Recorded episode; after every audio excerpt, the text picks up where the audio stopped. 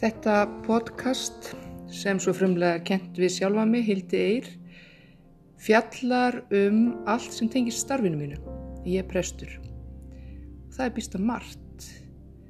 Eh, hér muni fjalla um samskipti, andlega líðan, eh, úrvinnslu á erfiðum tilfinningum, sorg, gleði, ástina, kærleikan, um, hvíðan, bara allt sem að viðkemur því að vera manneskja. Í þessu fyrsta podcasti ætla ég að tala um það að hlýða yfir tilfinningar. Flestir fóreldrar geta verið sammálum það að tíminn þar sem að börnin, ung og ámálka veikjast sé erfiður og kvíðaveikjandi. Það er svo vant að horfa upp á vanlíðan unga bars og viti ekki hvað amar að því. Það er á þeim stundu sem að maður veri tilbúin án umhugsunar að skipni og taka á sig þjáningar þess. Ég minnist þess einmitt sem móðir kom ég að var létt þegar drenginni mínir voru komnir á þann aldur að geta tjáð sig og ég þurfti ekki lengur að mála skrattan á vekkin í hvert skipti sem þeir fengu smá hittavellu og skeldu af vanliðan. Í síðasta fermingatíma í kirkjunu minni gerði ég dálitlega könnun þar sem um var að ræða hóp 40 úlinga. Ég bað þau sem ættu öðvöld með að spjallum íþróttir að rétt upp hönd og er skemst frá því að segja að næstum allur hópur er rétt upp hönd.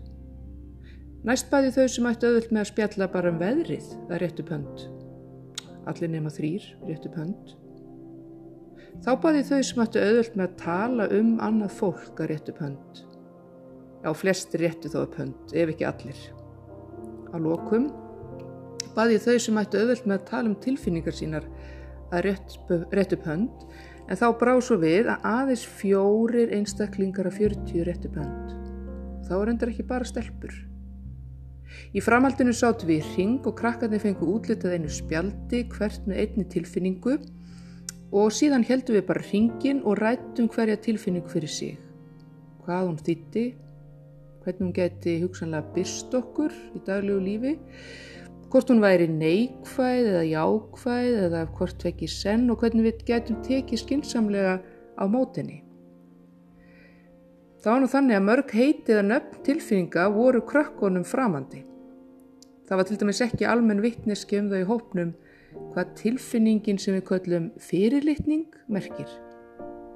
En þegar við fórum að ræðana og jafnveg leikana voru flestir sem könnuðustu kauða. Fyrirlitningin á sér auðvitað stað bæði á skólalóðinni og á samfélagsmiðlum einmitt þar sem að börnun okkar eh, verja mestum tíma. Tilfinningar eins og skömm og sektarkend voru heldur ekki á allra vitorði og því var æri verkefni að tala um þær sístur tvær. Hamingjuna töldu þau sér hins vegar flest ekki og þó skapaðist áhugaverður vettvangur að ræða munin á stundarána í annars vegar og hamingju hins vegar. Það er skemstur því að segja að allur fermingatímin fór í þetta, að tala um alls konar tilfinningar og við gerðum það líkt og um bara náttúruvísindi var að ræða. Það var eins og við værum að ræða heiti á blómum og plöntum í kjölfar þess að þekkja útlitt þeirra, ilm og áferð. Það er nú svo að það fæðist engin maður með mótaða vittneski um tilfinningar sínar. Við þurfum að læra að þekkja þær, bara eru líka mokkar. Við fæðumst ekki með vittneskunum að nef sé nef, það er einhver sem kennir okkur að þekkja það og líka augun og hökuna, eirun og ennið og samt var í raun kannski minni skaði skeður að þekki ekki nefið á sér en til dæmis kvíðan svo við þurftum ekki að lifa þá skelvingu að halda að við værim í alvöru lífsættu þegar að kvíðin hveður fyrst er. Eða sorgin að við vissum hvernig hún getur litið út og ilmað og hversu mannlegt og eðlilegt ferli hennar er. Það er nefnilega engar lífshættulegar tilfinningar til. Það er aðeins lífshættulegt að þekkja þær ekki.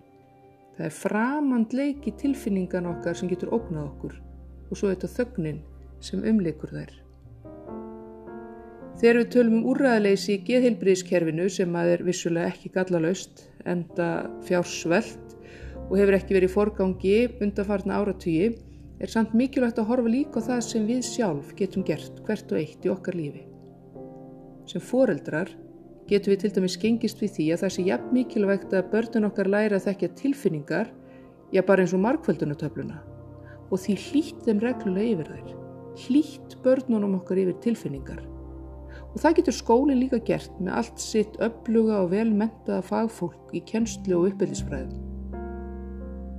Staðrindin er nefnilega svo að úlingur sem er sendur til sálfræðings vegna kannski erfiðra hegðunar eða vanliðunar fær aldrei það sem hann þarf á að halda ef hann þekkir ekkir til tilfinninga og veit ekki eins og hvað er heita.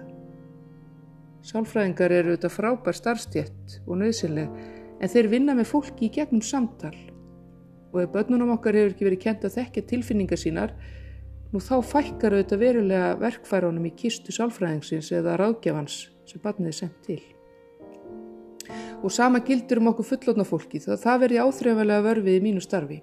Hjónaviðtöl verða til dæmis oft mjög ójöfn þegar það er aðeins annar aðilinn sem getur borið kjensla tilfinningar og rættar. Þá hallar verulega á hinn þótt að ábyrð hans séu þetta hvorki minninni meiri. Og eins er um sirkjendur.